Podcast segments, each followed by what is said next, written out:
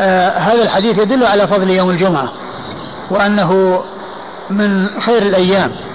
وقد مر في الحديث السابق أنه خير يوم طلعت عليه الشمس أنه خير يوم طلعت عليه الشمس وهو خير أيام الأسبوع وهو أفضل أيام الأسبوع وهو عيد للمسلمين أسبوعي كما عرفنا ذلك في الدرس الماضي. وأن أمير المؤمنين عثمان بن عفان رضي الله عنه خطب الناس يوم عيد يوم عيد إضحى وكان يوم جمعة فقال إنه قد اجتمع لكم في يومكم هذا عيدان. اجتمع لكم في يومكم هذا عيدان. يريد بذلك عيد السنة وعيد الأسبوع. يريد بذلك عيد السنة وعيد الأسبوع. فأطلق على يوم الجمعة أنه عيد فهو عيد للمسلمين. آه قال فيه آه قال فيه خلق آدم وفيه قبض. يعني فيه خلق وفيه مات. بداية حياته ونهاية حياته كانت في يوم الجمعة. وفيه الصعقة والنفخة. والصعقة هي الصعقة التي يموت بها من كان حيا في نهاية الدنيا. لأن من كان قد ما من سبق له الموت سبق له الموت. ومن كان موجودا على قيد الحياة عند قيام الساعة فإنه يموت بتلك الصعقة ثم بعد ذلك وفيه النفخة. وهي النفخة التي تكون في الصور ويكون بعدها خروج الناس من قبورهم وانتقالهم من الحياة البرزخية إلى الحياة الأخروية إلى حياة الدار الآخرة. وكما هو معلوم الحياة البرزخية هي تابعة لحياة الآخرة وتابعة للآخرة لأن الحياة حياتان حياة دنيا وآخرة والدنيا نهايتها الموت والآخرة بدايتها الموت. ومن مات قامت قيامته. وفيه الصعقة وفيه النفخة فأكثروا من الصلاة علي فيه فإن صلاتكم معروضة علي. فأرشد عليه الصلاة والسلام إلى أن المسلمين يكثرون من الصلاة على النبي صلى الله عليه وسلم في ذلك اليوم في يومه وليلته يكثرون من الصلاة على النبي صلى الله عليه وسلم. وذلك لأن النبي الكريم عليه الصلاة والسلام من حقه على أمته أن يكثروا وأن يصلوا عليه ويسلموا تسليما كما أمرهم الله عز وجل بذلك في كتاب العزيز حيث قال يا أيها الذين آمنوا صلوا عليه وسلموا تسليما. أخبر الله عن نفسه وملائكته أنه أنهم يصلون على النبي وأمر المؤمنين بأن يصلوا ويسلموا عليه. فقال إن الله وملائكته يصلون على النبي يا أيها الذين آمنوا صلوا عليه وسلموا تسليما. فمن حقه على أمته عليه الصلاة والسلام وقد أخرجهم الله به من الظلمات إلى النور. وهداهم به إلى الصراط المستقيم أن يكثروا من الصلاة والسلام عليه صلوات الله وسلامه وبركاته عليه. وقد عرفنا فيما مضى أن الصلاة أن صلاة الله على نبيه آه، أحسن ما قيل في معناها أنها ثناؤه عليه عند الملائكة وتعظيمه في الملأ الأعلى. هذا هو معنى صلاة الله على نبيه صلى الله عليه وسلم. والمسلم كونه يصلي على النبي صلى الله عليه وسلم أن يطلب من الله ويسأل الله أن يصلي على نبيه بأن يثني عليه عند الملائكة وأن يعظمه في الملأ الأعلى وأن يرفع من قدره ويعلي من شأنه صلوات الله وسلامه وبركاته عليه. ثم قال فإن صلاتكم معروضة علي. فإن صلاتكم معروضة علي. آه وهذا يدلنا على أن الصلاة تعرض على النبي صلى الله عليه وسلم ولكن هذا لا يكون مختصا بيوم الجمعة. فإنه قد جاء في الأحاديث الصحيحة عن النبي صلى الله عليه وسلم أنه قال إن لله ملائكة سياحين يبلغوني عن أمة السلام. وقال عليه الصلاة والسلام لا تجعلوا بيوتكم قبورا ولا تتخذوا قبري عيدا وصلوا علي فإن صلاتكم تبلغني حيث كنتم أي بواسطة الملائكة. ولكن آه، نص على هذا اليوم لخصوصيته ولفضيلته ول آه، ولأهمية ذلك اليوم فلا ينافي ذلك ما جاء في الأحاديث الأخرى من أن الصلاة تعرض عليه في كل وقت وفي كل حين آه، كما جاء ذلك في الأحاديث التي أشرت إليها. قالوا وكيف تعرض صلاتنا عليك وقد أرمت؟ يعني يقولون بليت. يعني معنى أرمت يعني بليت. وكانوا يظنون أو يفهمون أن الأرض تأكل الأجساد وأنه آه ولا يعلمون استثناء شيء من ذلك. فكانوا يفهمون هذا الشيء. والله عز وجل في كتابه العزيز يقول قد علمنا ما تنقص الأرض منهم. علمنا ما تنقص الأرض منهم يعني ما تأكله الأرض من أجسادهم وما يختلط بالتراب من أجسادهم. ويفهمون هذا. ولكن النبي عليه الصلاة والسلام أخبرهم بأن الأرض لا تأكل أجساد الأنبياء. أن الأرض لا تأكل أجساد الأنبياء. وأنهم باقون في قبورهم على الهيئة التي وضعوا عليها لا آه، لا تأكلهم الأرض ولا آه، يختلط تختلط شيء من أجسادهم بالتراب بل أجسادهم باقية ولا تأكلها الأرض وهي وهم أحيا في قبورهم حياة برزخية هي أكمل من حياة الشهداء التي قال الله عز وجل فيها ولا تحسبن الذين قتلوا في سبيل الله أمواتا أمواتا بل أحياء عند ربهم يرزقون. فأخبر عن الشهداء بأنهم أحياء. و ورسل الله الكرام هم أكمل حياة من الشهداء. ثم إن الحياة لا يختص بها الأنبياء ولا الشهداء بل الحياة البرزخية ثابتة لكل لكل من يموت. وكل من يموت فهو إما في نعيم وإما في عذاب. إما في نعيم وإما في عذاب. يصل إلى جسده وإلى روحه. من النعيم ما يستحقه ويصل إليه من العذاب ما يستحقه. المنعم منعم والمعذب معذب. وإن كان آه، حصل أن الأرض أكلتهم يعني اللي هم البشر غير الأنبياء فإن الوصول إلى وصول العذاب إلى من يستحقه يصل والعذاب والنعيم يصل إلى من إلى من يستحقه. ولا تلازم بين كون الأرض تأكله وبين كونه لا لا يصل إليه النعيم ولا يصل إليه العذاب لأن أمور البرزخ من أمور الغيب التي لا يعلمها إلا الله عز وجل. ولهذا لو فتح الناس القبور ما رأوا جنة ولا نارا. والجنة والنار موجودة. وقد قال عليه الصلاة والسلام في الحديث إنه يفتح إلى المؤمن آه، باب إلى الجنة فيأتيه من روحها ونعيمها. ويفتح لمن كان بخلافه باب إلى النار فيأتيه من من سمومها وحرها. ولو فتح الناس القبور ما وجدوا نعيما ولا وجدوا آه، عذابا.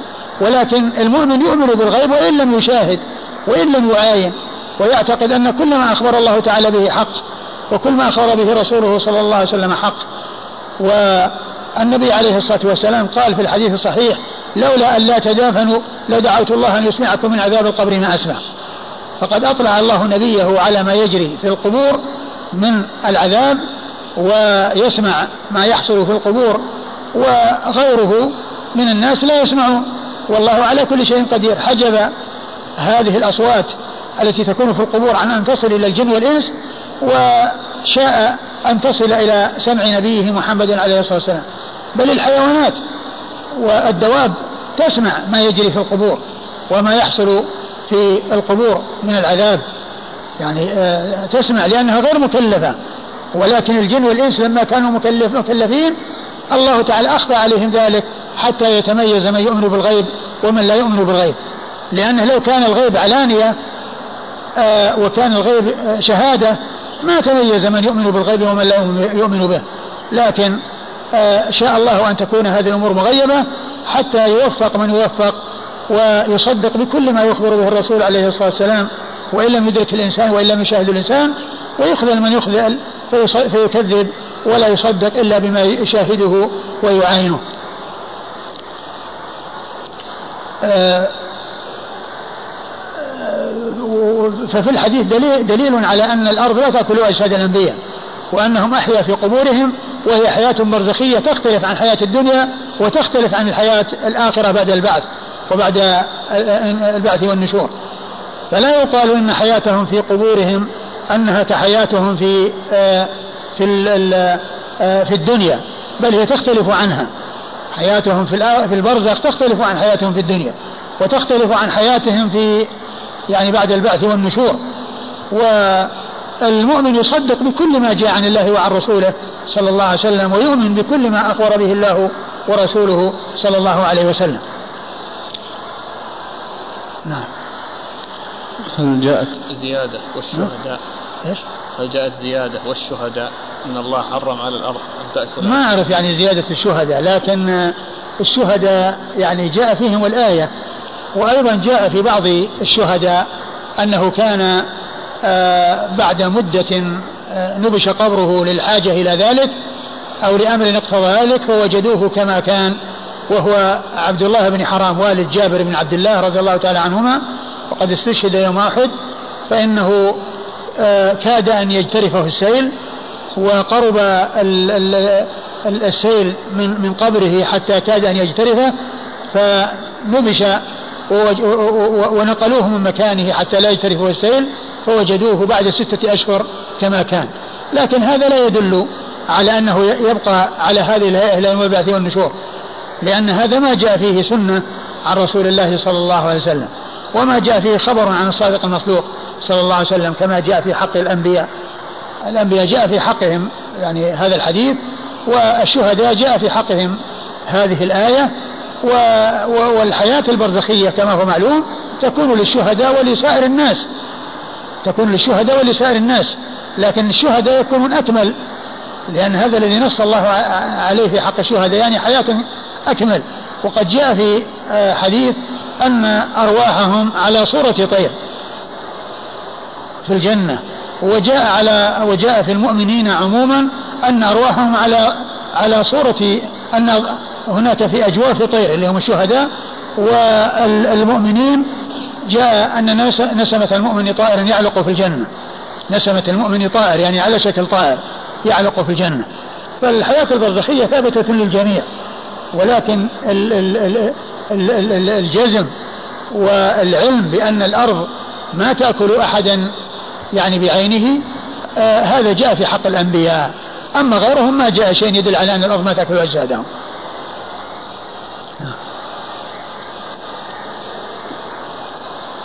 قال حدثنا هارون بن عبد الله. هارون بن عبد الله هو الحمال البغدادي وهو ثقة أخرج له مسلم وأصحاب السنن. عن حسين بن علي. عن حسين بن علي هو الجعفي وهو ثقة. أخرج له أصحاب الكتب الستة. عن عبد الرحمن بن يزيد بن جابر. عن عبد الرحمن بن يزيد بن جابر وهو ثقة. أخرج له أصحاب الكتب الستة. عن أبي الأشعث الصنعاني. بالمناسبة في درس مضى كان يعني جرى ذكر آه، جابر الجعفي وأنه ما جاء آه، وأنه في في عون المعبود قال إنه لا يعني ليس له عند أبي داود ولا عند النسائي إلا هذا الحديث الواحد. والحديث في سنن النسائي ما وجدته يعني في في في, في, الصغرى. فلا أدري هل هو في الكبرى أو ليس في الكبرى أو أن هذا الذي ذكر وهم يعني الذي هو كونه ليس له في النساء مع أن الحافظ بن حجر ما ذكره من من من رجاله. والنسائي قد قال فيه متروك. وذكرت أن أن أن أن, أن النسائي رحمة الله عليه قال عن شخص متروك وقد رواله عن شخص إنه متروك وقد رواله وذكر ذلك آه، الذهبي في الميزان في ترجمة ذلك الرجل وهو عبد الرحمن بن يزيد بن تميم. عبد الرحمن بن يزيد بن تميم. قال عنه آه، قال الذهبي قال عنه متروك ثم قال الذهبي هذا عجيب أن يقول متروك ثم يروي عنه. وهذه من إحدى الفوائد التي ذكرتها في الفوائد المنتقاة من فتح الباري وكتب أخرى ورقمها 421 421 عن أبي الأشعث الصنعاني. عن أبي الأشعث وهو شراحيل بن آدة وهو ثقة أخرج له. البخاري في الأدب المفرد. ومسلم وأصحاب البخاري في الأدب المفرد ومسلم وأصحاب السنن. عن أوس بن أوس. عن أوس بن أوس. رضي الله عنه وهو صحابي أخرج حديثه أبو داود. أصحاب السنن. أخرج حديثه أصحاب السنن. أخرج حديثه أصحاب السنن.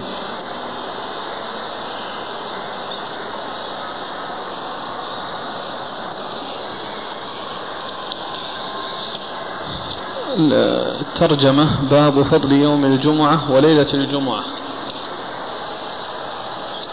والحديثان ليس فيهما تعرض لشيء لليلة.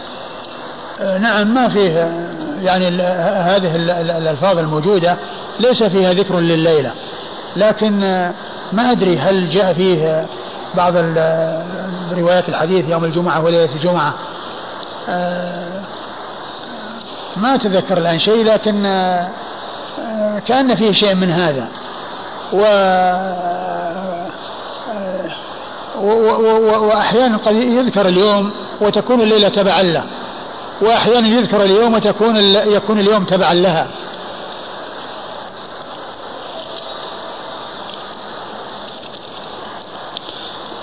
قال رحمه الله تعالى باب الإجابة أية ساعة هي في يوم الجمعة.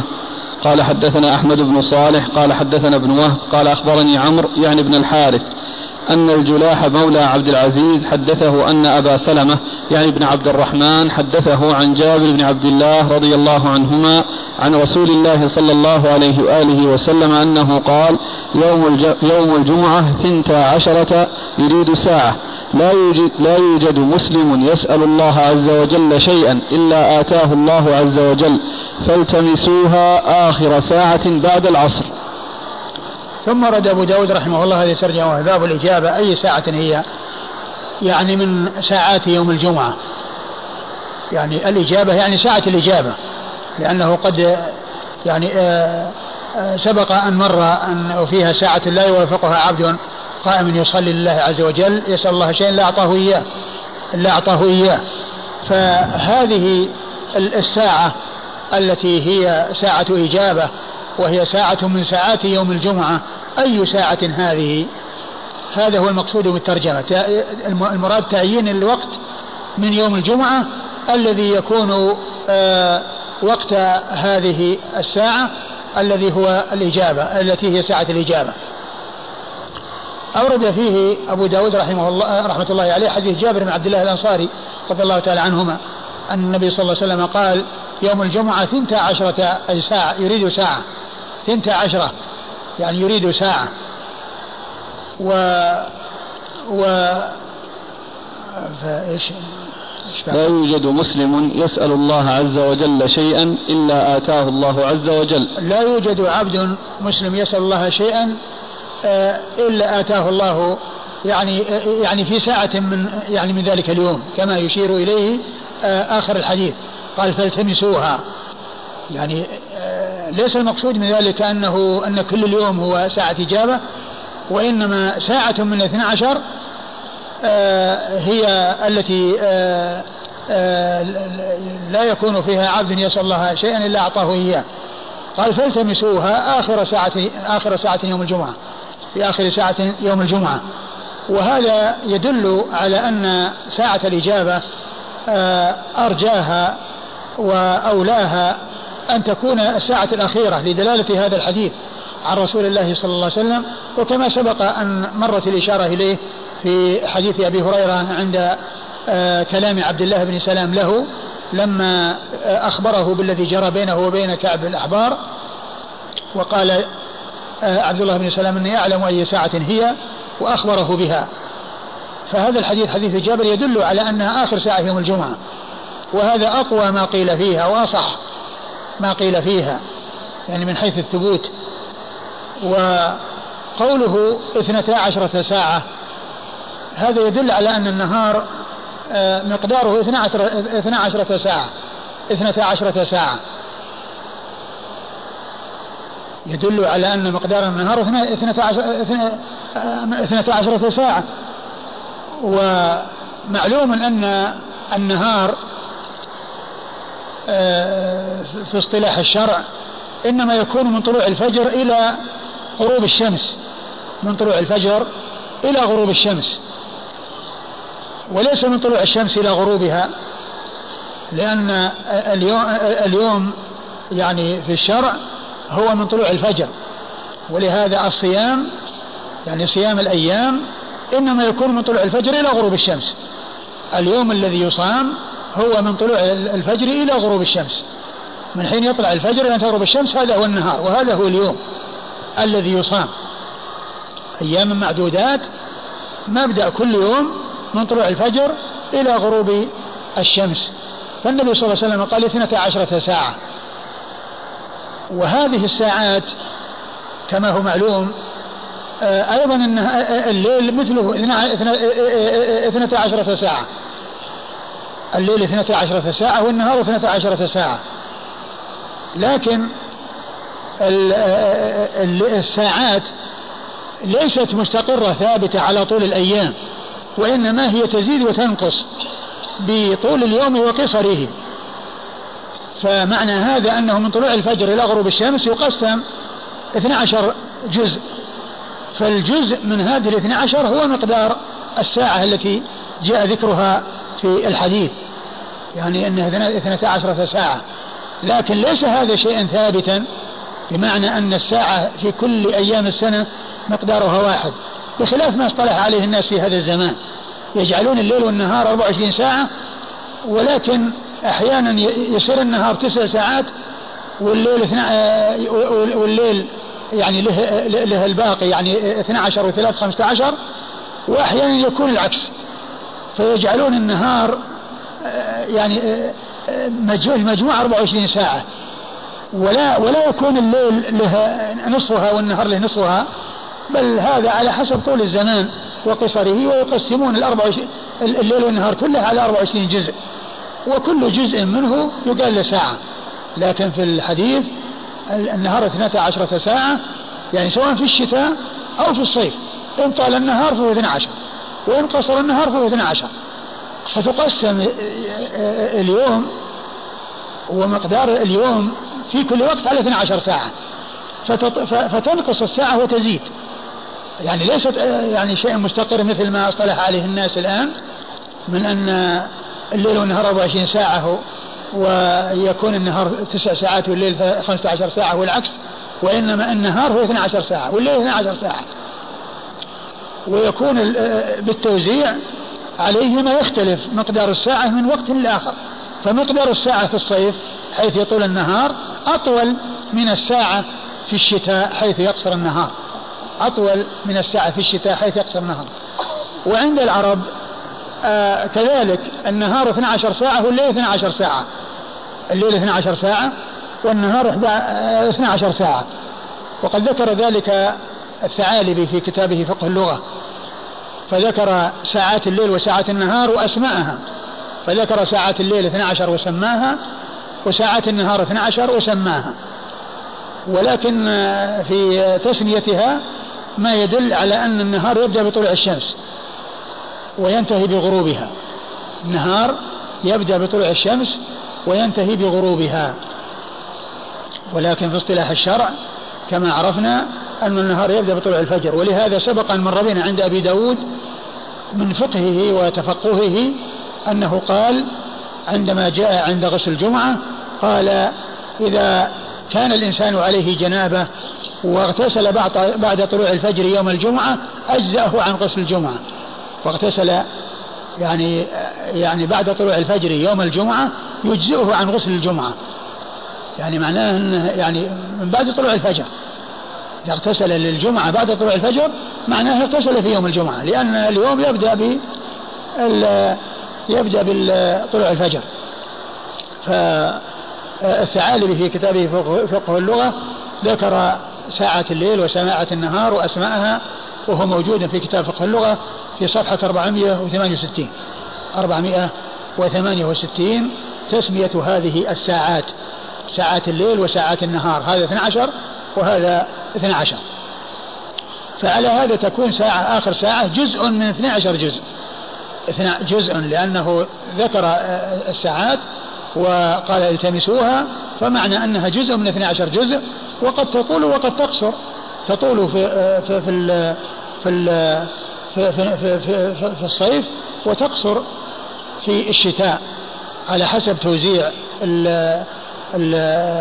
مجمل الساعات على 12 ساعة. نعم.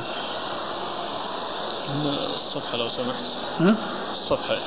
468 68 468 في فقه اللغة. للثعالبي.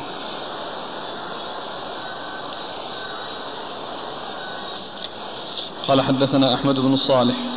أحمد بن صالح هو المصري وهو ثقة. أخرج حديث البخاري وأبو داود والترمذي في الشمائل. عن ابن وهب. عن ابن وهب عبد الله بن وهب المصري ثقة فقيه أخرج له أصحاب الكتب الستة. عن عمرو يعني بن الحارث. عن عمرو يعني بن الحارث وهو المصري وهو ثقة أخرج له أصحاب الكتب الستة. عن الجلاح مولى عبد العزيز. عن الجلاح مولى عبد العزيز وهو صدوق. نعم. أخرج له. مسلم وأبو داود والترمذي والنسائي. أخرج له مسلم وأبو داود والترمذي والنسائي. عن أبي سلمة بن عبد الرحمن. عن أبي سلمة بن عبد الرحمن وقد مر ذكره. عن جابر, عن جابر بن عبد الله الأنصاري رضي الله عنهما صحابي بن صحابي وهو أحد السبعة المعروفين بكثرة الحديث عن النبي صلى الله عليه وسلم.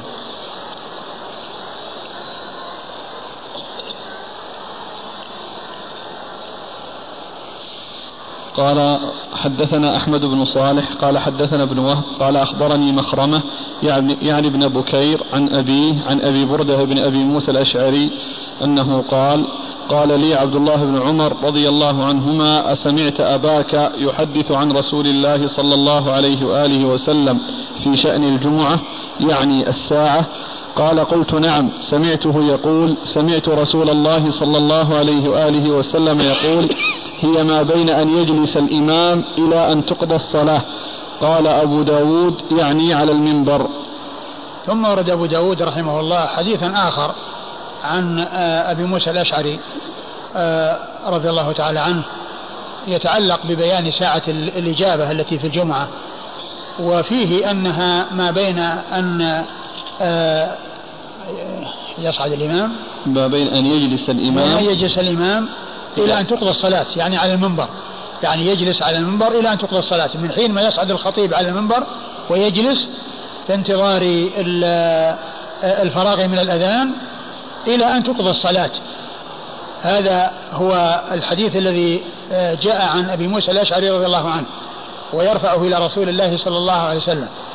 لكن الحديث آه، آه، مما انتقده الدار قطني على مسلم. هذا الحديث أخرجه مسلم. وهو مما انتقده الدار قطني على مسلم. وقد وقد قال العلماء أنه صحيح أنه موقوف وليس مرفوعا إلى رسول الله صلى الله عليه وسلم. ليس مرفوعا إلى رسول الله عليه الصلاة والسلام فيكون ليس من قوله صلى الله عليه وسلم وإنما يعني آه، قاله آه، الصحابي أو ابنه آه، اجتهادا ولعل ذلك ليكون آه هذه هذا الوقت الذي هو وقت صلاة الجمعة وخطبة الجمعة والإنصات للجمعة وأن الإنسان يعني آه آه ينصت للجمعة وأنه إذا مس الحصى فقد لغى وأنه لا يقول لأحد اسكت. آه، فلعله فهم أن هذا الوقت هو الوقت الذي يكون فيه ساعة الإجابة. لكن الحديث موقوف وليس بمرفوع إلى رسول الله صلى الله عليه وسلم وعلى هذا فيكون أقوى ما قيل فيه آه أنه آخر ساعة. والإنسان إذا حرص على آه يوم الجمعة في الدعاء والاستغفار فيه فذلك خير كثير.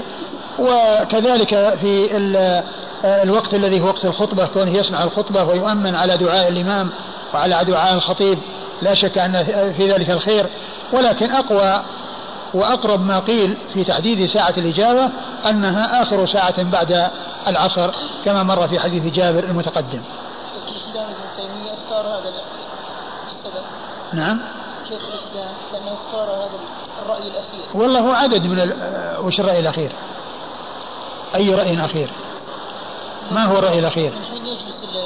أن يعني مكانها هذا؟ نعم قال بهذا عدد من أهل العلم. أقول قال بهذا عدد من أهل العلم.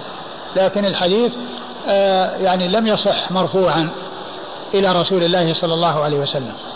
أيوة.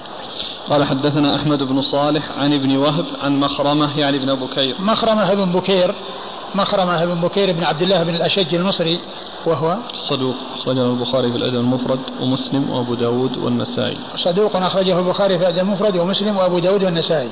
عن أبيه بكير بن عبد الله بن الأشج وهو ثقة أخرج له أصحاب كتب الستة.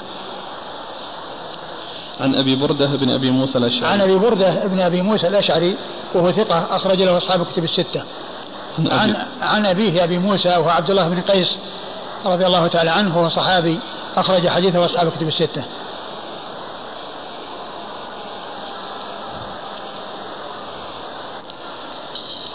هي ما بين أن يجلس الإمام. يعني من منذ أن يدخل. يعني يعني تبدأ قبل بدئه بالخطبة. أي نعم الجلوس. الجلوس يعني يكون عند قبل الخطبة. يعني يأتي ويسلم ويجلس ينتظر الأذان يفرغ. ها؟ قال قال لي عبد الله بن عمر أسمعت أباك. أبو بردة إيش فيه؟ قال نعم. إيش؟ الشيخ يقول فيه عن, عن أبيه لأن قلنا نحن عن أبي بردة بن موسى عن أبيه إيه هو ما في عن أبيه إيه لا هو عن أبيه إيه نعم. قال نعم. قال رحمه الله تعالى باب فضل الجمعة. قال حدثنا مسدد قال حدثنا أبو معاوية عن الأعمش عن أبي صالح عن أبي هريرة رضي الله عنه أنه قال قال رسول الله صلى الله عليه وآله وسلم من توضأ فأحسن الوضوء ثم أتى الجمعة فاستمع وأنصت غفر له ما بين الجمعة إلى الجمعة وزيادة ثلاثة أيام ومن مس الحصى فقد لغى. ثم ورد أبو داود رحمه الله هذه الترجمة فضل الجمعة لأن الذي الترجمة السابقة فضل يوم الجمعة. وأما هذا فضل الجمعة وحضور الجمعة وشهود الجمعة التي هي صلاة الجمعة فالترجمة السابقة تتعلق بفضل اليوم وهذه تتعلق بفضل الذهاب إلى الجمعة وحضور الجمعة وشهود الجمعة. وقد أورد أبو داود رحمه الله حديث أبي هريرة رضي الله تعالى عنه أن النبي صلى الله عليه وسلم قال من اغتسل يوم الجمعة من توضأ من توضأ يوم الجمعة فأحسن الوضوء. نعم. من توضأ يوم الجمعة فأحسن الوضوء؟ نعم. أيوة. ثم أتى الجمعة فاستمع وأنصت. ثم أتى الجمعة فاستمع وأنصت. توضأ وأحسن الوضوء وأتى الجمعة يعني ذهب إلى المسجد واستمع وأنصت يعني للخطبة ولم يتشاغل عنها بأي شيء. آه غفر له ما بين الجمعة آه والجمعة ما بين الجمعة والجمعة؟ إلى الجمعة وزيادة إلى الجمعة وزيادة ثلاثة أيام. إلى الجمعة وزيادة ثلاثة أيام. يعني من الجمعة إلى الجمعة وزيادة ثلاثة أيام على اعتبار أن الحسنة في عشر أمثالها. ومعنى هذا يعني يكون يغفر له من يعني من ذلك اليوم إلى مضي عشرة أيام. يعني فيها الجمعة من من الجمعة إلى الجمعة وزيادة ثلاثة أيام. ويكون ذلك من وقت صلاة الجمعة أو من الوقت الذي يكون فيه حضور الجمعة إلى الوقت فيكون سبعة أيام ويضاف إلى ذلك ثلاثة أيام على اعتبار أن الحسنة في عشر أمثالها. نعم. ومن مس الحصى ومن مس الحصى فقد لغى. يعني من مس الحصى فقد لغى. يعني من من من عبث به أو تشاغل بأي شيء عن الخطبة ولو كان بلمس الحصى فإنه يكون قد لغى. يعني معناه أتى بشيء يعني لغو. وأتى بكلام بفعل لا يصلح وبفعل لا يليق لأن فيه تشاغل عن الخطبة. وهذا يدلنا على عظم شأن الخطبة والاهتمام لها والاهتمام بها والإقبال عليها والإصغاء لسماعها والإنصات لها وكون الإنسان يتأمل الخطبة ويعرف ما اشتملت عليه ويعتبر ويتعظ ويستفيد. ومن مس الحصى فقد لغى. نعم. زيادة ومن لغى فلا جمعة له. ما أدري يعني. الأخ يسأل يقول هل يدخل في هذه من مس الحصى؟ من مس بعض ملابسه مثل الغترة والإعقال والثوب أو غير جلسته وقت الخطبة؟ تغيير الجلسة ليس مثل هذا لأن الإنسان قد يحتاج إلى تغيير الجلسة يحتاج إلى التغيير ولكن كونه يعني يروح يعبث في الأرض وكذلك الإنسان الذي يتشاغل عن عن الصلاة بثيابه وبملابسه يعني شبيه بالذي يعبث بالحصى لأن الذي يعبث بثيابه ويعبث بأي شيء آه، ولو كان آه، غير الحصى فإن التشاغل موجود. نعم. نعم.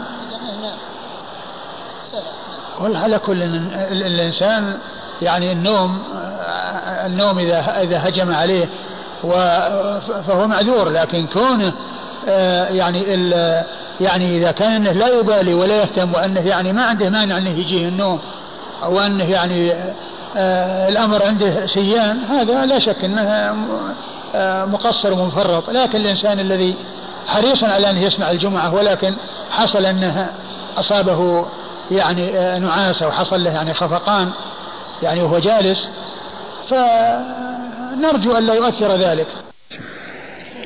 لا خلينا نسمع.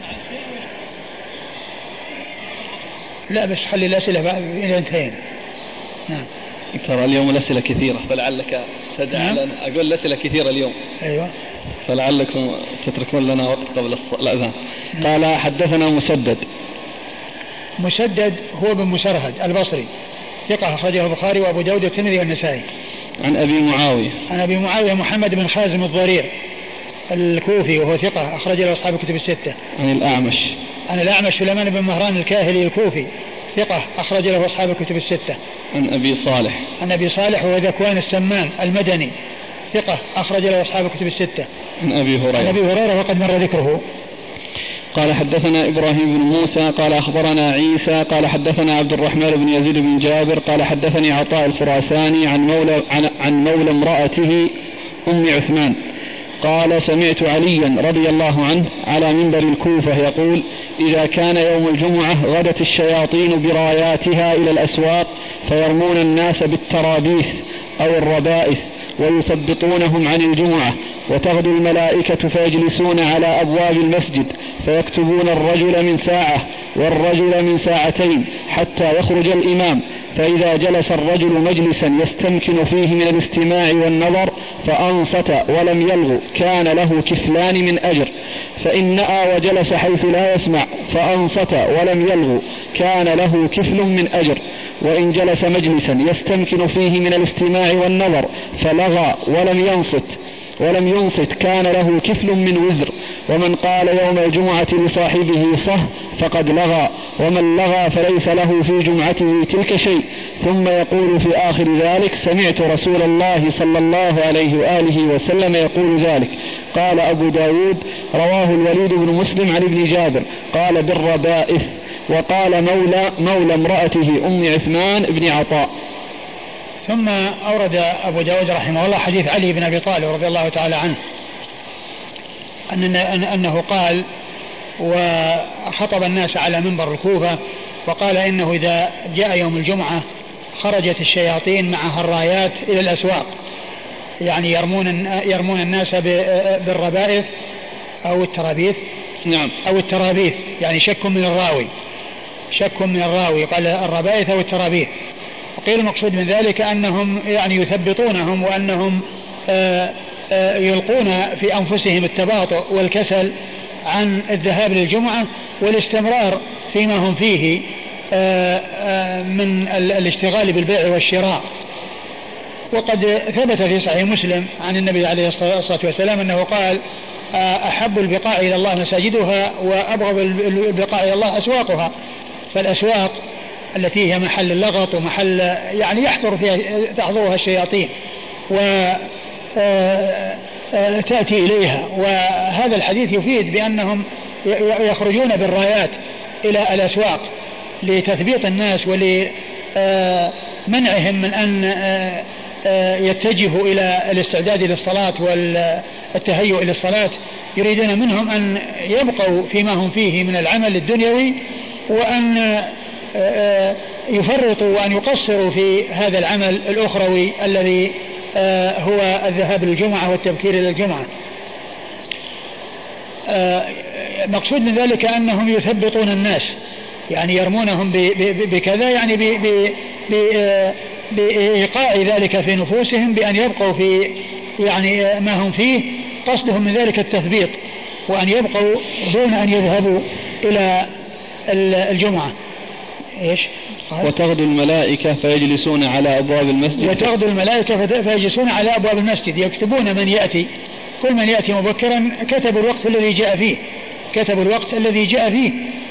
نعم. فيكتبون الرجل من ساعتين. نعم. الرجل من ساعة والرجل من ساعتين حتى يخرج الإمام. الرجل من ساعتين يعني الرجل الذي جاء قبل ساعتين والرجل الذي جاء قبل ساعة والرجل الذي جاء قبل أكثر حتى يخرج الإمام.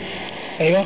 فإذا جلس الرجل مجلسا يستمكن فيه من الاستماع والنظر فأنصت ولم يلغو كان له كفلان من أجر. فإذا جلس مجلسا يعني في المسجد يعني جاء مبكرا وصار قريبا من الإمام وصار يسمع ويرى الإمام فإنه يكتب له واستمع وأنصت فإنه يكتب له كفلان يعني نصيبان من الأجر. وإن جلس وإن نأى وكان في مكان نائي وجلس بحيث لا يسمع و وإيش؟ فأنصت ولم يلغو. فأنصت ولم فأنصت ولم يلغو. كان له كفل من أجل. كان له كفل يعني كان له نصيب من أجل إنصاته وعدم اشتغاله بشيء يشغل عن الصلاة وعن انتظار الصلاة. ومن جلس مجلسا آه، يستمكن فيه من الاستماع والنظر فلغى ولم ينصت كان يتمكن فيه من الاستماع والنظر فلغى ولم ينصت كان له كفل من ال من ال من, الوزر من الوزر. كفل كان له كفل من الوزر. يعني عليه إثم لأنه تمكن من الاستماع ومع ذلك لم يستمع ولكن حصل منه اللغو. نعم.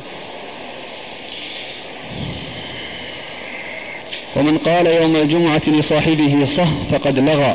ومن من قال لصاحبه يوم الجمعة صه يعني اسكت فقد لغى. وهذا يعني معناه أنه إذا كان هذا أمر بمعروف فإنه آه، ومع ذلك سمي لغوا يعني فغيره من باب أولى.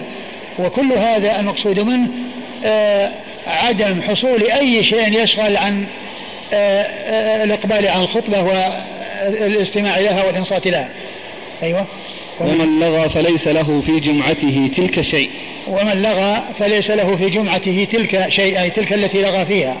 أيوة. ثم يقول في آخر ذلك سمعت الرسول الله صلى الله عليه وسلم. ثم يقول سمعت آه، ذلك سمعت الرسول يقول مثل ذلك. يعني هذا الكلام الذي قاله عن المنبر وخاطبهم به يقول إنه سمع رسول الله صلى الله عليه وسلم يقول يعني مثل ذلك أو يقول ذلك. يعني فهو مرفوع إلى رسول الله صلى الله عليه وسلم لكن الحديث في إسناده آه، من لا يحتج به فهو ضعيف غير ثابت عن رسول الله صلى الله عليه وسلم. آه، فليس له في جمعته تلك شيء يعني جمعته باطلة يعيد صلاة الظهر. لا لا ما يقال إنه يعيد ولكنه لكنه يعني ما حصل أجر الجمعة. لكن لا يقال إن صلاته لا تصح وأن عليه أن يقضي. برئت بها الذمة. هو نعم أدى الصلاة ولكنه ما حصل أجرها. مثل مثل الأحاديث التي فيها أنها لا يقبل له صلاة كذا. يعني معناه برئت ذمته في الصلاة وأدى الصلاة ولكنه ما حصل الأجر. يعني الذي الحديث الذي فيه من أتى كاهنا وصدقه ما يقول لم تقبل له صلاة. أربعين يوما. يعني معنى هذا أن حرم أجر هذه الصلوات مع أن الصلوات هو أداها لا يقال أن عليه أنه يعيدها وأنه يقضيها فهذا من جنسه. قال حدثنا إبراهيم بن موسى. إبراهيم بن موسى هو ثقة أخرج له؟ أصحاب الكتب. أخرج له أصحاب الكتب الستة. عن عيسى. عن عيسى بن يونس آآ وهو ابن أبي إسحاق السبيعي عيسى بن يونس بن أبي إسحاق وهو ثقة أخرج أصحاب الكتب وهو ثقة أخرج أصحاب الكتب الستة. عبد الرحمن بن يزيد بن جابر. عبد الرحمن بن يزيد بن جابر وهو ثقة أخرج أصحاب الكتب الستة. عن عطاء الخراساني. عطاء الخراساني وهو صدوق يهم كثيرا. صدوق يهم كثيرا. أخرجه مسلم وأصحاب السنن. أخرجه مسلم وأصحاب السنن. عن مولى امرأته أم عبد أم عن عثمان. مولى مولى امرأته أم عثمان وهو مجهول أخرج له أبو داود. ما ما وجدت. نعم. ترجم له الحافظ؟ إي نعم. في ال في ال في ال في ال شو اسمه؟ في المبهمات. ها؟ في المبهمات؟ إيه آخر ال لا مولى امرأته. عن عطاء في عطاء الخراساني. روايته عن مولى امرأته. لأني أذكر أني في النسخة اللي عندي ما وجدت هذه. لا هو فيه.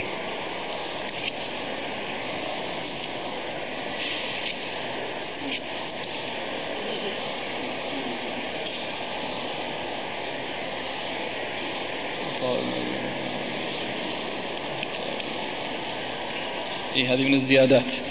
إذا إيه؟ موجودة عندي في النسخة هذه زادها أبو الأشبال. أيوه. قال أخذها من عون المعبود وتحت أشرف قال مجهول رمز له بدال. فذاك حصرها بين قوسين أيه. الترجمة كاملة أيه. هو مجهول يعني يعني فيه عطاء الخراساني الذي يهم كثيرا وفيه هذا المجهول نعم آه آه عن علي عن علي بن أبي طالب رضي الله تعالى عنه أمير المؤمنين ورابع الخلفاء الراشدين الهادين المهديين رضي الله عنه وأرضاه وحديثه عند أصحاب الكتب الستة. قال أبو داود رواه الوليد بن مسلم عن ابن جابر قال بالربائث. يعني إنه لم يشك لأن الرواية السابقة فيها الربائث والترابيث. وهنا الوليد بن مسلم رواه عن ابن جابر وهو عبد الرحمن بن يزيد بن جابر الذي مر في الإسناد وقال الربايث يعني بدون شك. وقال والله تعالى أعلم وصلى الله وسلم وبارك على عبده ورسوله نبينا محمد وعلى آله وأصحابه أجمعين. نعم.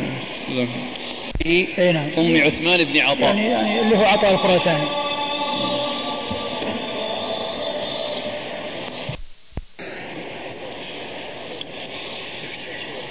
بسم الله الرحمن الرحيم. يقول هل يدخل في اللغو من يشرب ماء في الخطبة؟ هل؟ هل يدخل في اللغو من يشرب ماء أثناء الخطبة؟ لا شك. كل هذا يدخل. كل يعني تشاغل عن الخطبة بشرب ماء أو غيره. يدخل بتطهر الكعبة يا شيخ. الإنسان قلنا مسألة الطواف يعني شيء آخر لكن آه، الذي ينبغي أن الناس يسمعون الخطبة.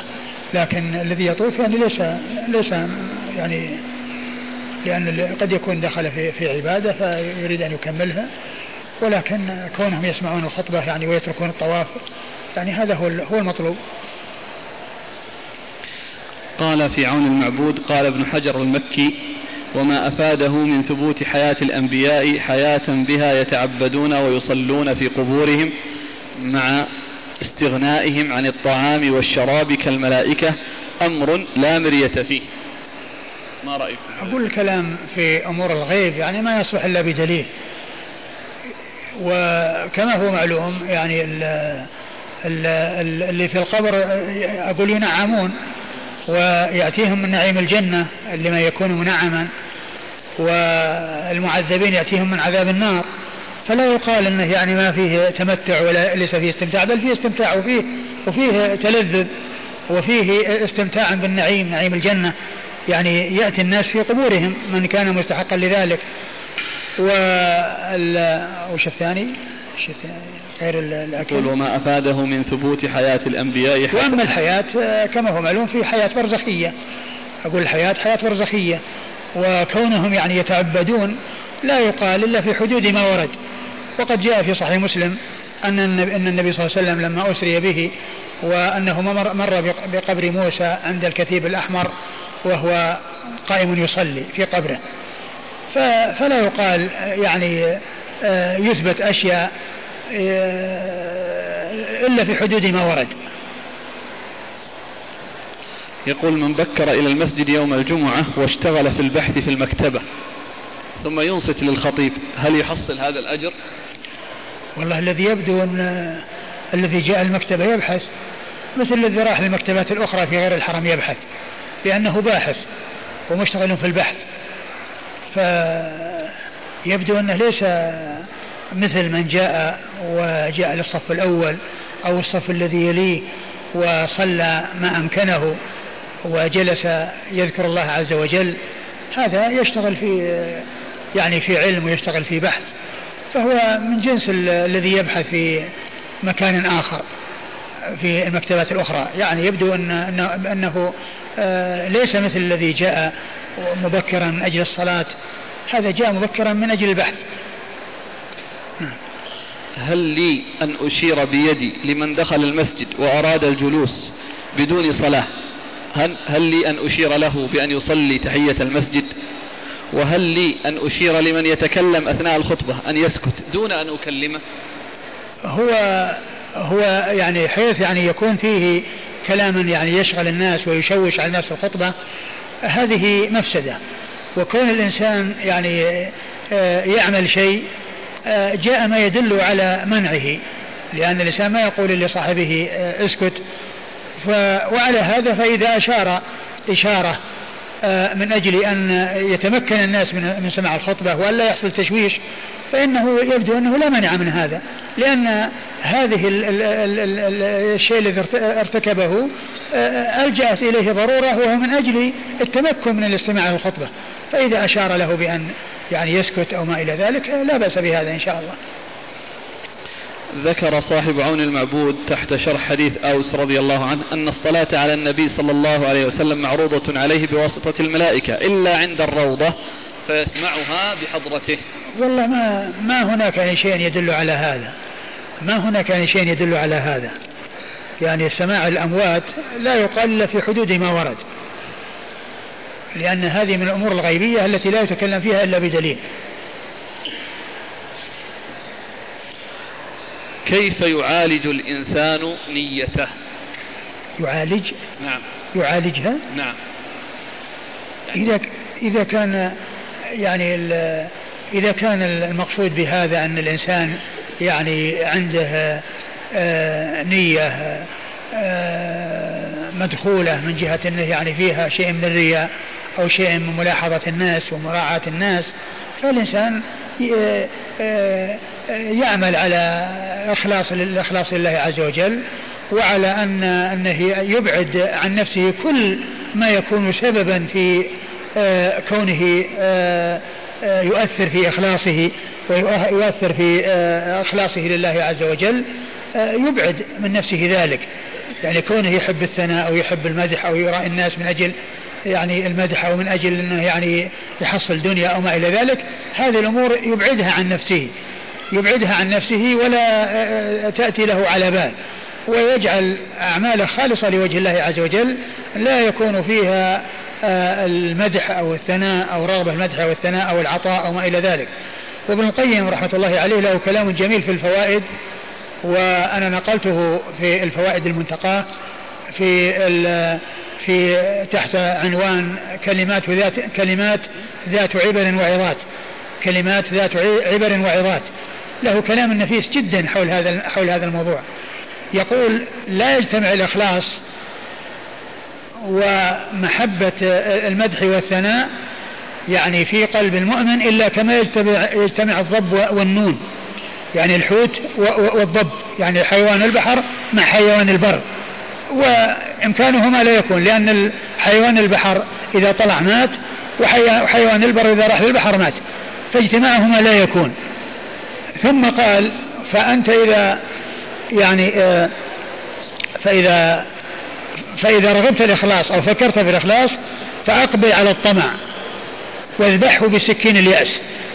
أقبل على الطمع فيما عند الناس اذبحه بسكين اليأس.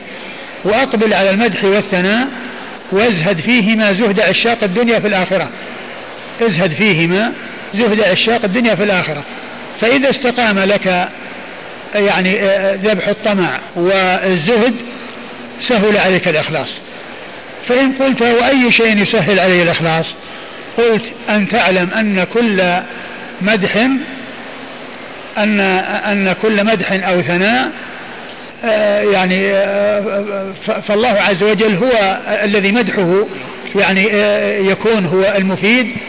وجاب الأثر الذي فيه ما أدري عن صحته. نعم. الرجل الذي قال إن حبي ان, إن مدحي زين وذمي شين فقال ذاك الله عز وجل. قال ذاك الله عز وجل. يعني كلام نفيس جدا. يعني هذا من الأشياء التي تجعل الإنسان يعالج يعني ما عنده من خلل في النية. ما هو الأفضل إظهار النعمة أم إظهار الزهد؟ الرسول صلى الله عليه وسلم قال إن الله إذا أنعم على عبد أحب أن يرى أثر نعمته عليه. إن الله إذا أنعم على عبد يحب أن أثر أن يرى أثر نعمته عليه. لكن هذا كما هو معلوم بالاعتدال والتوسط. ليس بالإسراف ولا بما يقابله كما قال الله عز وجل الذين إذا أنفقوا لم يسرفوا ولم يقتروا وكان وكان بين ذلك قواما. يقول بعض الإخوة طلاب العلم يقولون إن التأمين يوم الجمعة لغو وأن دعاء الخطيب يوم الجمعة بدعة. فهل هذا صحيح؟ لا غير صحيح. غير صحيح. يعني الخطيب يعني ليس له أن يدعو يوم الجمعة؟ ليس له أن يدعو يوم الجمعة؟ كيف يكون هذا؟ يعني بس يعني يعظ الناس ثم ينزل؟ أليس يعني حتى في الخطب العادية إذا نزل يقول أستغفر الله لي ولكم. والله تعالى أعلم وصلى الله وسلم وبارك على عبده ورسوله نبينا محمد وعلى آله وأصحابه أجمعين. بسم الله الرحمن الرحيم. الحمد لله رب العالمين والصلاة والسلام على عبد الله ورسوله نبينا محمد وعلى آله وصحبه أجمعين. أما بعد قال الإمام أبو داود السجستاني رحمه الله تعالى باب التشديد في ترك الجمعة. قال حدثنا مسدد قال حدثنا يحيى عن محمد بن عمرو قال حدثني عبيدة بن سفيان الحضرمي عن أبي الجعد الضمري رضي الله عنه وكانت له صحبة أن رسول الله صلى الله عليه وآله وسلم قال من ترك ثلاث جمع تهاونا تهاونا بها طبع الله على قلبه. بسم الله الرحمن الرحيم الحمد لله رب العالمين وصلى الله وسلم وبارك على عبده ورسوله. نبينا محمد وعلى آله وأصحابه أجمعين. أما بعد يقول الإمام أبو داود السجستاني رحمه الله التشديد في ترك الجمعة. يعني بذلك أن أمره خطير وأن أنه ليس بالأمر الهين وفيه وعيد شديد وأن على المسلم أن يحذر من أن يحصل منه التساهل والتهاون في ذلك. حتى لا يحصل له هذا الأمر الذي توعد به في الحديث الذي ورد عن رسول الله صلى الله عليه وسلم. ثم أورد أبو داود رحمه الله حديث من الصحابي. أبي الجعد الضمري. حديث أبي الجعد الضمري رضي الله تعالى عنه. أن النبي عليه الصلاة والسلام قال من ترك ثلاث جمع تهاونا طبع الله على قلبه. والمقصود من ذلك أنه يتركها فلا يحضر الجمعة ولا يأتي إلى الجمعة وإنما يصلي وحده أو يصلي جماعة ولكنه ترك الجمعة. وأن الرسول صلى الله عليه وسلم أخبر بأن صاحب هذا العمل والذي تكرر منه هذا العمل أنه يطبع الله على قلبه فلا يصل إليه هدى ولا يصل إليه ولا يصل إليه خير. وهذا يدلنا على خطورة هذا العمل وأنه أمر خطير وأنه لا يسوغ ولا يجوز وأن الواجب على كل مسلم أن يحرص على حضور الجمعة والجماعة وأن يشهد الجمعة والجماعة ولا يتهاون في ذلك لئلا يعرض نفسه للوقوع في هذا الوعيد الشديد الذي جاء عن رسول الله صلى الله عليه وسلم. ومثل هذا الحديث الذي أورده أبو داود هنا الحديث الذي ورد في صحيح مسلم عن النبي صلى الله عليه وسلم أنه قال وهو يخطب على المنبر لينتهين أقوام عن ودعهم الجمعات أو لا, أو لا يختمن الله على قلوبهم ثم لا يكونن من الغافلين. فكل هذا يدلنا على خطورة التخلف عن صلاة الجمعة. نعم. مسند. قال حدثنا مسدد. مسدد هو بن مسرهد البصري ثقة. أخرج حديثه البخاري وأبو داود والترمذي والنسائي. عن يحيى. يحيى هو بن سعيد القطان البصري البصري ثقة أخرج له أصحاب كتب الستة. عن محمد بن عمرو. عن محمد بن عمرو بن علقمة بن وقاص الليثي وهو صدوق له أوهام أخرج حديثه أصحاب كتب الستة. عن عبيدة بن سفيان الحضرمي. عن أبي عن عبيدة. عن عبيدة بن سفيان الحضرمي وهو ثقة أخرج له مسلم وأصحاب السنن. وهو ثقة أخرج له مسلم وأصحاب السنن. عن أبي الجعد الضمري. عن أبي الجعد الضمري رضي الله عنه صاحب رسول الله صلى الله عليه وسلم وحديثه أخرجه أصحاب السنن. وحديثه أخرجه أصحاب السنن. قال رحمه الله تعالى باب كفارة من تركها. قال حدثنا الحسن بن علي قال حدثنا يزيد بن هارون قال أخبرنا همام قال حدثنا قتادة عن قدامة بن وبرة العجيفي عن سمرة بن جندب رضي الله عنه عن النبي صلى الله عليه وآله وسلم أنه قال من ترك الجمعة من غير عذر فليتصدق بدينار فإن لم يجد فبنصف دينار. قال أبو داود وهكذا رواه خالد بن قيس. وخالفه في الإسناد ووافقه في المتن. قال حدثنا محمد بن سليمان الأنباري قال حدثنا محمد بن يزيد وإسحاق بن يوسف عن أيوب أبي العلاء عن قتادة عن قدامة بن وبرة أنه قال قال رسول الله صلى الله عليه وآله وسلم من, فاتت من فاته الجمعة بغير عذر فليتصدق بدرهم أو نصف درهم أو صاع حنطة أو نصف صاع قال أبو داود رواه سعيد بن بشير عن قتادة هكذا إلا أنه قال مدا أو نصف مد وقال عن سمرة.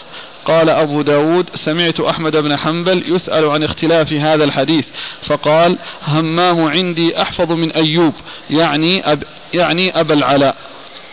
ثم ورد أبو داود رحمه الله بعد هذا كفارة من تركها أي من حصل منه ترك الجمعة. والمقصود من هذه الترجمة أنه ورد أحاديث فيها ذكر الكفارة وهي التصدق بدينار أو نصف دينار أو درهم أو نصف درهم أو مد أو نصف مد أو صاع أو نصف صاع. والمقصود منها أن أن عليه أن يكفر بهذه الصدقة وبهذا المال. ويكون هذا من باب آه، أن الحسنات يذهبن السيئات. ولكن الأحاديث التي وردت في هذا أو الحديث الذي ورد في هذا من طرقه المختلفة لم يثبت عن رسول الله صلى الله عليه وسلم فهو غير صحيح. ولكن الكفارة لهذا والذي يمكن الإنسان أن يتخلص من هذا هو أن يتوب إلى الله عز وجل وأن يندم على ما مضى وأن يعزم في المستقبل على أن لا يعود منه إلى ذلك وأن لا يحصل منه ذلك. هذه هي هذا هو الذي على الإنسان عندما يحصل له ترك الجمعة. أما كونه يكفر بمبلغ من المال فإنه لم يثبت في ذلك سنة عن رسول الله صلى الله عليه وسلم. فالحديث الذي أورده أبو داود من طرقه المتعددة في هذا الباب كلها من طريق شخص ورجل واحد وهو مجهول لا يحتج بحديثه. فعلى هذا ما ورد في هذا الحديث من طرقه المختلفة آه، من ذكر الكفارة لمن ترك الجمعة وهي التصدق ذلك غير ثابت عن رسول الله صلى الله عليه وسلم لأن الحديث ضعيف ولكن الذي على الإنسان الذي حصل منه آه، ذلك أن يتوب إلى الله عز وجل فيقلع من هذا الذنب الذي هو ترك الجمعة ويندم على ما مضى ويحرص في المستقبل على أن لا يعود إلى ذلك.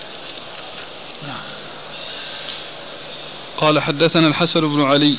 الحسن بن علي الحلواني هو ثقة أخرج له أصحاب الكتب الستة إلا النسائي. عن يزيد بن هارون. عن يزيد بن هارون الواسطي وهو ثقة أخرج له أصحاب الكتب الستة. عن همام. عن همام بن يحيى وهو ثقة أخرج له أصحاب الكتب الستة. عن قتادة. عن قتادة بن دعامة السدوسي البصري ثقة أخرج له أصحاب الكتب الستة. عن قدامة بن وبرة العجيفي. عن قدامة بن وبرة العجيمي. العجيفي. الهجيمي وهو مجهول أخرج حديثه. أبو داود والنسائي. أبو داود والنسائي. عن سمرة بن جندب. عن سمرة بن جندب بن جندب رضي الله عنه صاحب رسول الله صلى الله عليه وسلم وحديثه أخرجه أصحاب كتب الستة. قال أبو داود وهكذا رواه خالد بن قيس. قال أبو داود وهكذا رواه خالد بن قيس. خالد بن قيس ثقة أخرج له. صدوق يغرب أخرج له. أيوة. أخرج له مسلم وأبو داود والترمذي في الشمائل والنسائي وابن ماجه. وهو صدوق يغرب أخرج له مسلم وأبو داود والترمذي في الشمائل والنسائي وابن ماجه. قال رواه خالد بن قيس وخالفه في الإسناد ووافقه في المتن. وخالفه في الإسناد ووافقه في المتن. يعني صيغة الإسناد وصيغ الأداء يعني خالفه فيها وأما المتن فهو متفق معه. الضمير يعود لمن؟ ها؟ الضمير. الضمير يرجع الذي يروي عن قتادة الذي هو همام. همام. نعم.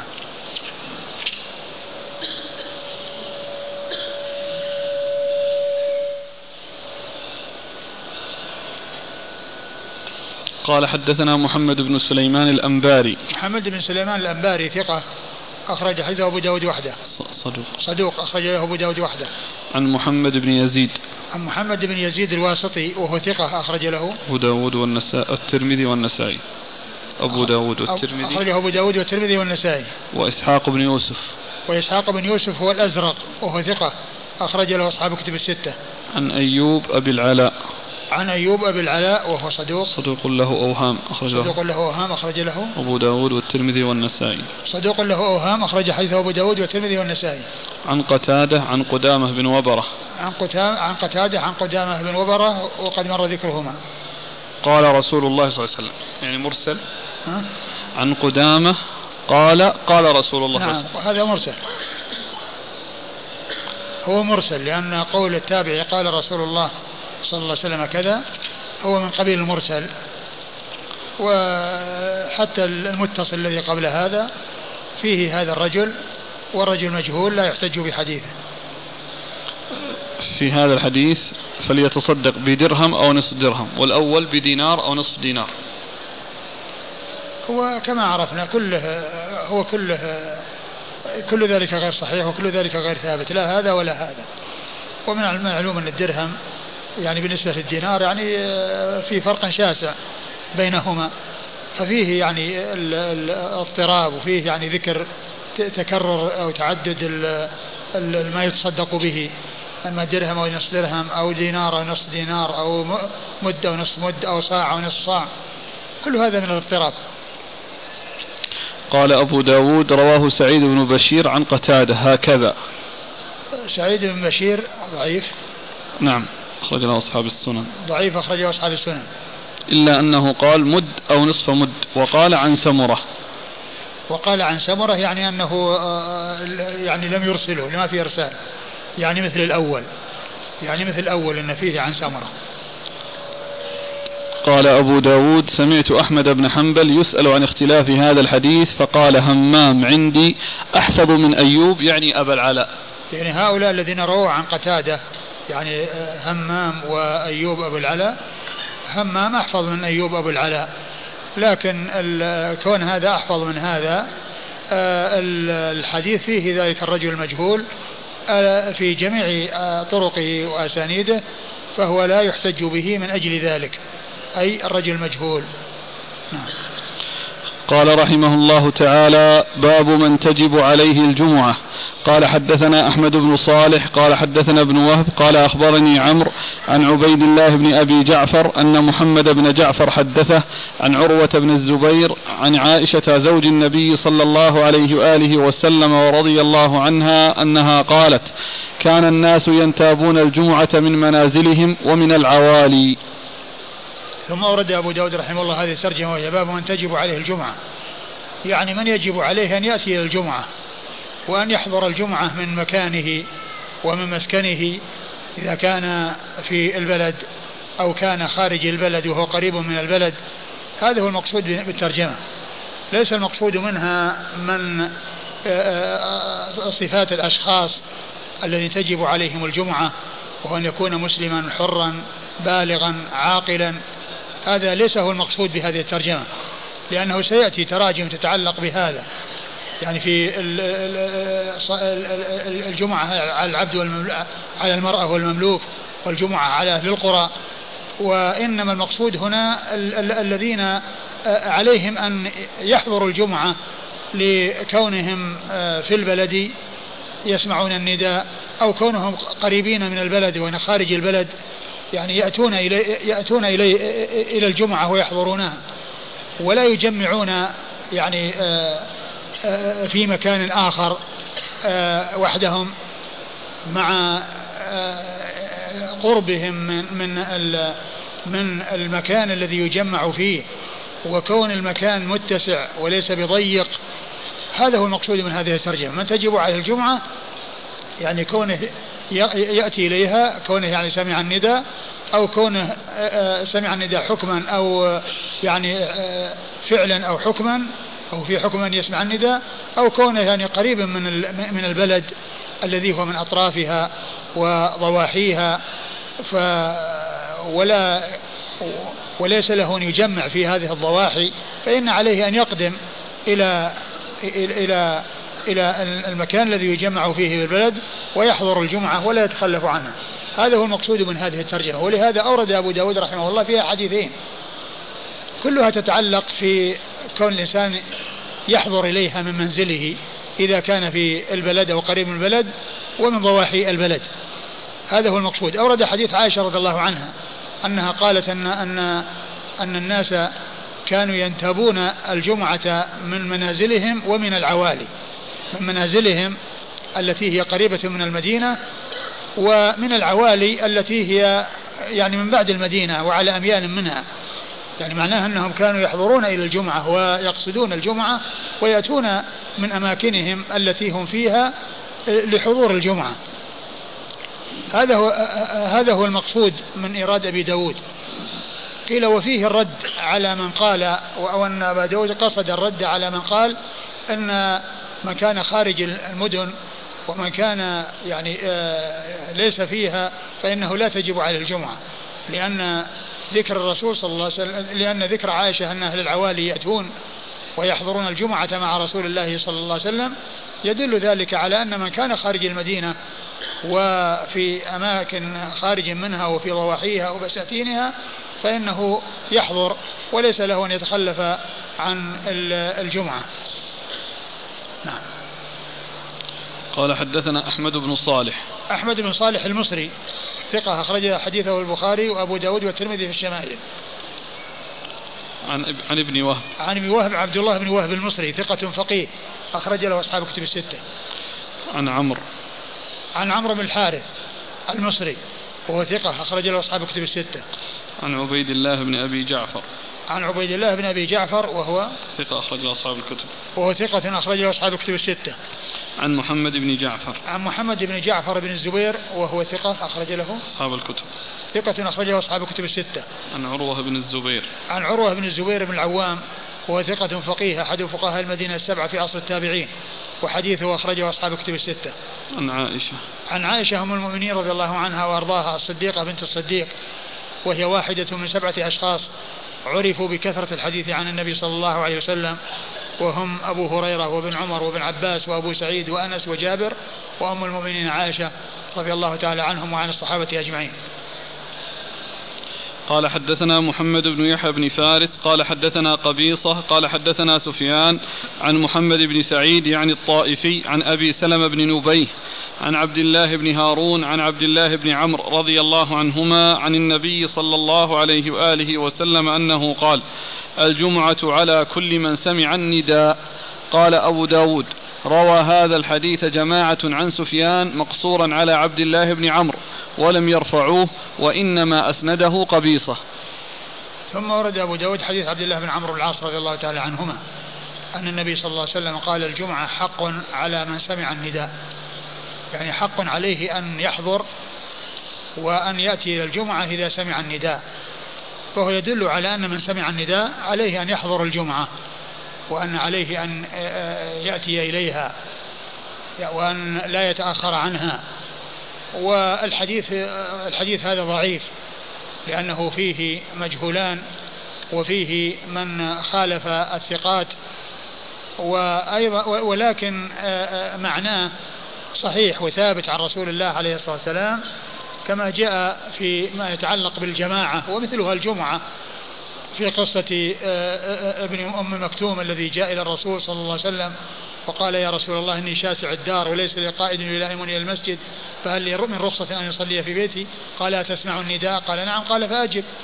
فدل هذا على أن سماع النداء يجب على سامعه أن يحضر إلى الجمعة والحديث وإن كان ضعيفا إلا أن إلا أنه قد ورد ما يدل على معناه من جهة أن سامع النداء عليه أن يجيب كما ثبت ذلك في صلاة الجماعة في قصة ذلك الأعمى الذي استأذن رسول الله عليه الصلاة والسلام ولم يأذن له وقال بل قال أتسمع النداء؟ فقال نعم. قال فأجب.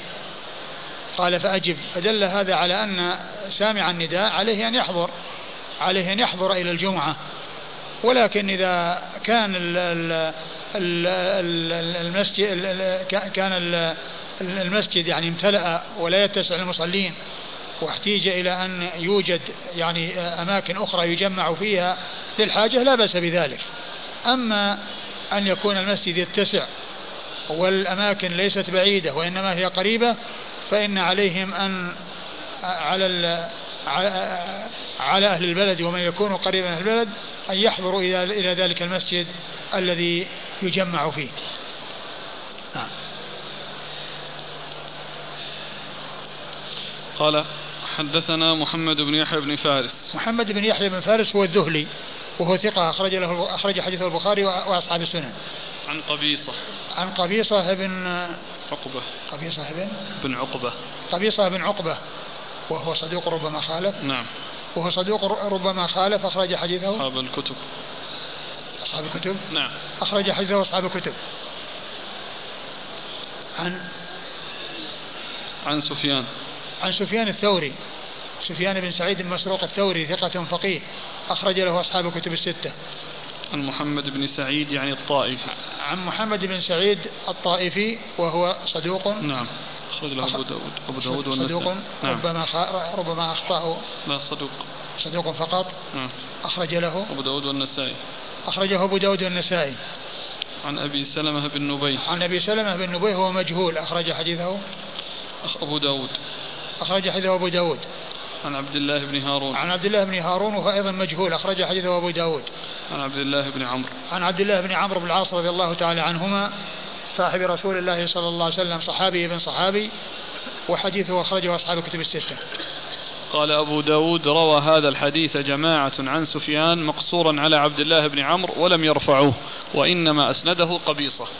يقول أبو داود رواه جماعة عن سفيان غير قبيصة وهم ثقات لم يرفعوه ولم يسندوه إلى رسول الله صلى الله عليه وسلم وإنما الذي أسنده قبيصة يعني فخالف الثقات في رفعه وإلا فإن أولئك رووه ولم يسندوه وقصروه على عبد الله بن على عبد الله آه، بن عمرو بن العاص رضي الله تعالى عنهما. يعني ففيه المخالفة وفي إسناده أيضا المجهولان.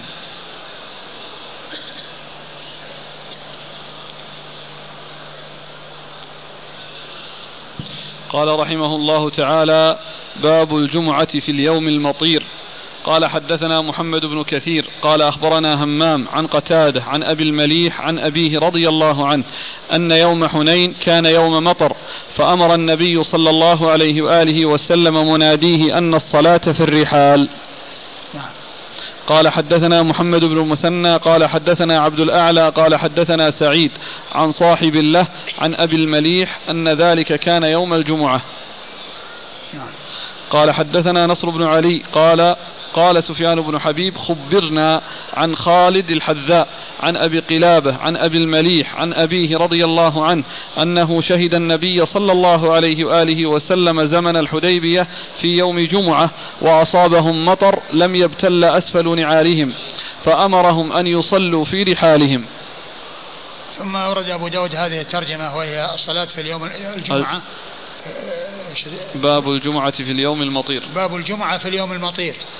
المطير الذي هو يعني ينزل فيه المطر والذي فيه حصول المطر آه، يعني يعني هل تصلى الجمعة أو هل يحضر الناس للجمعة أو أنهم معذورون في التخلف عن الجمعة.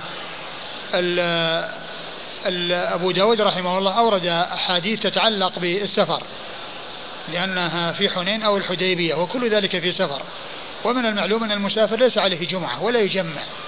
المسافر لا يجمع ولا يأتي بالجمعة وإنما الذي يأتي بالجمعة هو المستوطن المستقر في القرى والمدن. هؤلاء هم الذين يجمعون.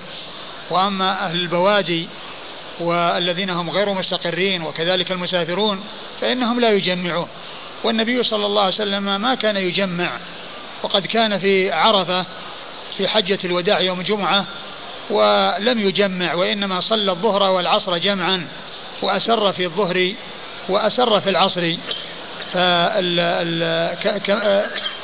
كالشأن في سائر الأسفار يعني التي لا فرق فيها بين جمعة وغير جمعة بحيث يعني كل إنسان يصليها ظهرا مقصورة ويسر فيها بالقراءة وليست جمعة. فلم يكن من هديه صلى الله عليه وسلم أنه يجمع في الأسفار. وإذا فالأحاديث التي أوردها أبو داود هنا لا تتعلق بالمدن والتجميع في المدن والتخلف عن الجماعة في المدن بسبب المطر. ولكن جاء في ذلك حديث ثابت عن رسول الله عليه الصلاة والسلام سيذكره المصنف في آخر الباب الذي بعد هذا وهو الذي يطابق الترجمة ويدل على الترجمة من جهة آه، يعني التخلف عن الجمعة في اليوم المطير.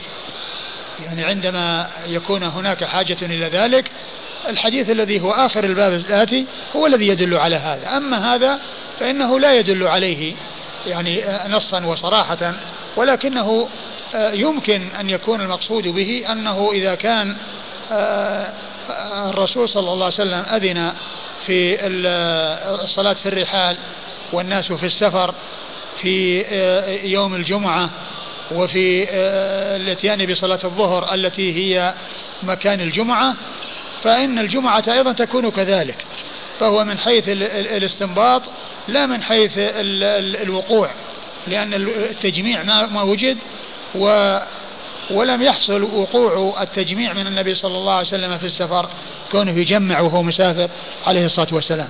فإذا الأحاديث التي أوردها أبو داود رحمه الله لا تدل على الترجمة مطابقة إلا على سبيل ال- الاستنباط وعلى سبيل ال- ال- ال- ال- الحاق والقياس. على اعتبار أن الظهر يعني هي فرض الوقت بدل الجمعة بالنسبة للمسافر وأن تلك الصلاة التي آه، هي بدل الجمعة آه، يتخلف عنها وأن الناس يصلون في رحالهم فإذا كذلك الجمعة. إذا كذلك الجمعة. لكن ال- الأوضح من هذا والأصرح من هذا الحديث الذي ثبت في البخاري وهو عند أبي داود عند البخاري ومسلم وهو عند أبي داود في آخر آخر الباب الآتي هو الذي يدل عليه آه، كما سيأتي. نعم. عن أبي المليح عن أبيه أن يوم حنين كان يوم مطر فأمر النبي صلى الله عليه وسلم مناديه أن الصلاة في الرحال. هذا ما في نص على الجمعة ولكن الرواية الثانية هي التي فيها ذكر الجمعة. وكان يوم جمعة مناديه. مناديه المؤذن. يعني في الأذان نفسه أي نعم ولا في الأذان. في الأذان عندما يقول حي على الصلاة حي على الفلاح يقول صلوا في رحالكم. صلوا في رحالكم. وسيأتي في ال- الحديث الآ- الآخر الذي سيأتي أنه بدلا يقول حي على الصلاة حي على الفلاح يقول ألا صلوا في رحالكم. ألا صلوا في رحالكم ولا مانع من الجمع بينهما. أقول لا مانع من الجمع بينهما لأن المقصود بقوله حي على الصلاة من أراد أن يحصل الفضيلة ومن أراد أن يأتي فله أن يأتي ومن أراد أن يتخلف فإنه معذور وقد أذن له بذلك حيث قي- حيث قيل له الصلاة في الرحال. إذا المؤذن والإمام عليهما أن يقيم الصلاة وإن أي نعم. في الحديث الأخير عن أبي المليح عن أبيه أنه شهد النبي صلى الله عليه وسلم زمن الحديبية في يوم جمعة وأصابهم مطر لم يبتل أسفل نعالهم فأمرهم أن يصلوا في رحالهم. يعني هذا والله أعلم يعني يحتمل أن يكون القصة متعددة أو أنها قصة واحدة ولكن حصل فيها الاختلاف هل هو في حنين أو في آه، أو في الحديبية. لأنها كلها من طريق واحد كلها من طريق أبي المليح عن أبيه. فيحتمل أن تكون ال- ال- الاثنتان حصلتا جميعا ويحتمل أن يكون واحدة منها ولكن حصل الاختلاف هل هي هذه أو هذه التي هي الحديبية أو آه، حنين. ومعلوم أن الحديبية في السنة آه، السادسة وحنين في السنة التاسعة في, في, في, السنة الثامنة يعني بعد بعد فتح مكة في آخر الثامنة.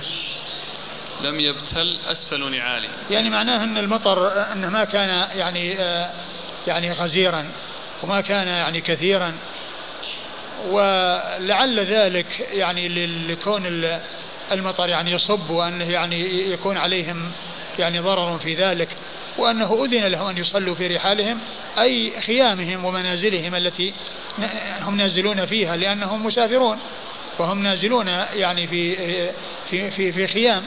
وليسوا في في في مساكن وبنيان لأنهم على سفر سواء كانوا في الحديبية أو في ال- أو في حنين.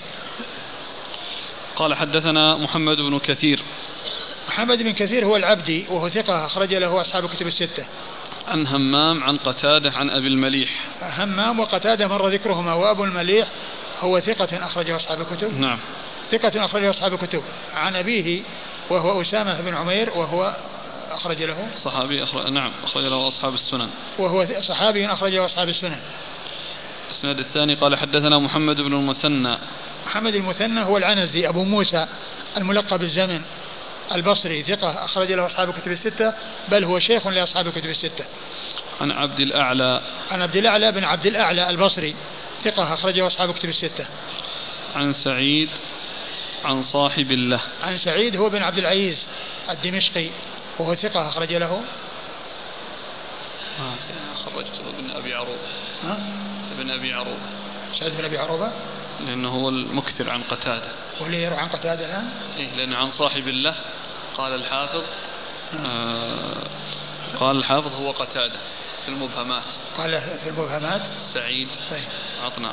ما أدري هو الذي ذكر هذا ذكر سعيد بن عبد العزيز ما أدري هو هو صاحب عون المعبود أو غيره لكن نعم نعم. نعم. صاحب عون المعبود. أي سعيد بن أبي عروبة هو الذي يروي عن قتادة وهو المشهور بالرواية عن قتادة وهو ثقة أخرجه أصحاب في الستة. نعم.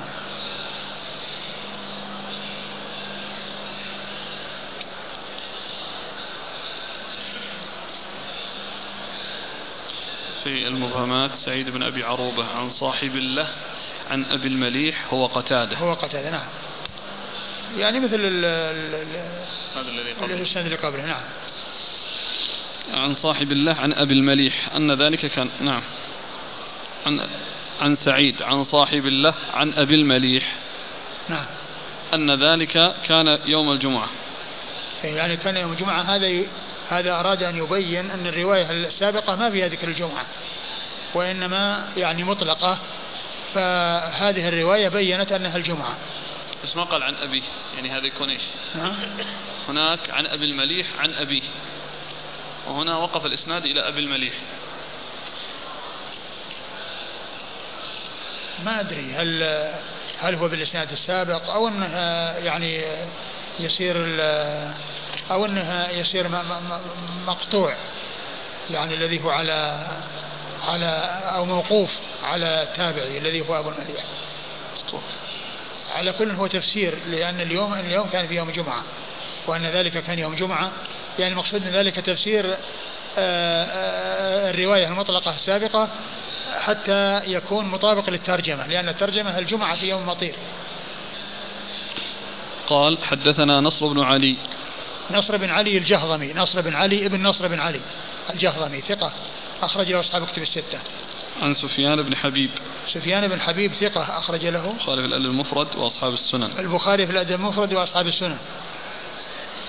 قال خبرنا عن خالد الحذاء. خالد الحذاء هو خالد بن مهران الكاهلي ثقة أخرجه أصحاب كتب الستة. قوله خبرنا. خبرنا هذا في انقطاع. نعم. عن أبي قلابة. عن أبي قلابة هو عبد الله بن زيد الجرمي. ثقة أخرجه أصحاب كتب الستة. عن أبي المليح عن أبيه. عن أبي المليح عن أبيه وقد مر ذكرهما. قتادة. هنا يقول لك قتادة. نعم. قال رحمه الله تعالى باب التخلف عن الجماعة في الليلة الباردة أو الليلة المطيرة. قال حدثنا محمد بن عبيد قال حدثنا حماد بن زيد قال حدثنا أيوب عن نافع أن ابن عمر رضي الله عنهما نزل بضج- بضجنان في ليلة باردة فأمر المنادي فنادى أن الصلاة في الرحال قال أيوب وحدث نافع عن ابن عمر رضي الله عنهما أن رسول الله صلى الله عليه وآله وسلم كان إذا كانت ليلة باردة أو مطيرة أمر المنادي فنادى الصلاة في الرحال نعم. قال حدثنا مؤمل بن هشام قال حدثنا إسماعيل عن أيوب عن نافع أنه قال نادى ابن عمر رضي الله عنهما بالصلاة بضجنان ثم نادى أن صلوا في رحالكم. قال فيه ثم حدث عن رسول الله صلى الله عليه وآله وسلم أنه كان يأمر المنادي فينادي بالصلاة ثم ينادي أن صلوا في رحالكم في الليلة الباردة وفي الليلة المطيرة في السفر. قال أبو داود وراه حماد بن سلمة عن أيوب وعبيد الله قال فيه في السفر في الليلة القرة أو المطيرة. أيوه. قال حدثنا عثمان بن أبي شيبة قال حدثنا أبو أسامة عن عبيد الله عن نافع عن ابن عمر رضي الله عنهما أنه نادى بالصلاة بضجنان في ليلة, في ليلة ذات برد وريح فقال في آخر ندائه ألا صلوا في رحالكم ألا صلوا في الرحال ثم قال إن رسول الله صلى الله عليه وآله وسلم كان يأمر المؤذن إذا كانت ليلة باردة أو ذات مطر في سفر يقول ألا صلوا في رحالكم قال حدثنا القعنبي عن مالك عن نافع أن ابن عمر رضي الله عنهما يعني أذن بالصلاة في ليلة ذات برد وريح فقال ألا صلوا في الرحال؟ ثم قال إن رسول الله صلى الله عليه وآله وسلم كان يأمر المؤذن إذا كانت ليلة باردة أو ذات مطر يقول ألا صلوا في الرحال. ثم أورد أبو داود رحمه الله هذه الترجمة وهي التخلف عن الجماعة نعم في الليلة الباردة في أو الليلة الباردة أو المطيرة. في الليلة الباردة أو المطيرة. آه يعني إذا كان سبب البرد أو المطر. أورد أبو داود رحمه الله حديث ابن عمر رضي الله تعالى عنهما من طرق متعددة أنه كان يأمر المنادي بأن يقول صلوا في الرحال وكان ذلك في سفر وكان في بعض الروايات أنه بضجنان وهو مكان قريب من مكة وهو مكان قريب من مكة وكان ذلك في سفر. والروايات المتعددة فيها أنه كان في سفر. فيدل ذلك على أن التخلف عن الجماعة وأن يدل ذلك على أن الجماعة في السفر أنها مطلوبة. ولهذا كانوا يعني يأتون ويصلون جماعة وهم مسافرون. وليس كل يصلي في رحله أو يصلي في مكانه وحده وإنما يجتمعون ويصلون. لكن في الليلة الباردة أو المطيرة أذن لهم بأن كل يصلي في رحله. أي المكان الذي هو فيه في خيمته أو في المكان الذي يكون فيه وهو مسافر. فالحديث هذا الحديث من طرقه المتعددة يدل على أن ذلك سائغ أو مسو أن ذلك مسوغ لترك الجماعة الكبرى التي هي جماعة الإمام أو الجماعة التي تكون لرئيس الجيش أو لرئيس المسافرين وأن كل وأنه وأن لكل أن يصلي في رحله. لأن ابن عمر رضي الله عنه آه، أمر مناديه بأن يقول صلوا في رحالكم وأخبر أن النبي صلى الله عليه وسلم فعل ذلك. وأخبر أن النبي صلى الله عليه وسلم فعل ذلك. يعني هذا الذي فعله هو إنما يفعله مقتديا برسول الله صلوات الله وسلامه وبركاته عليه. نعم.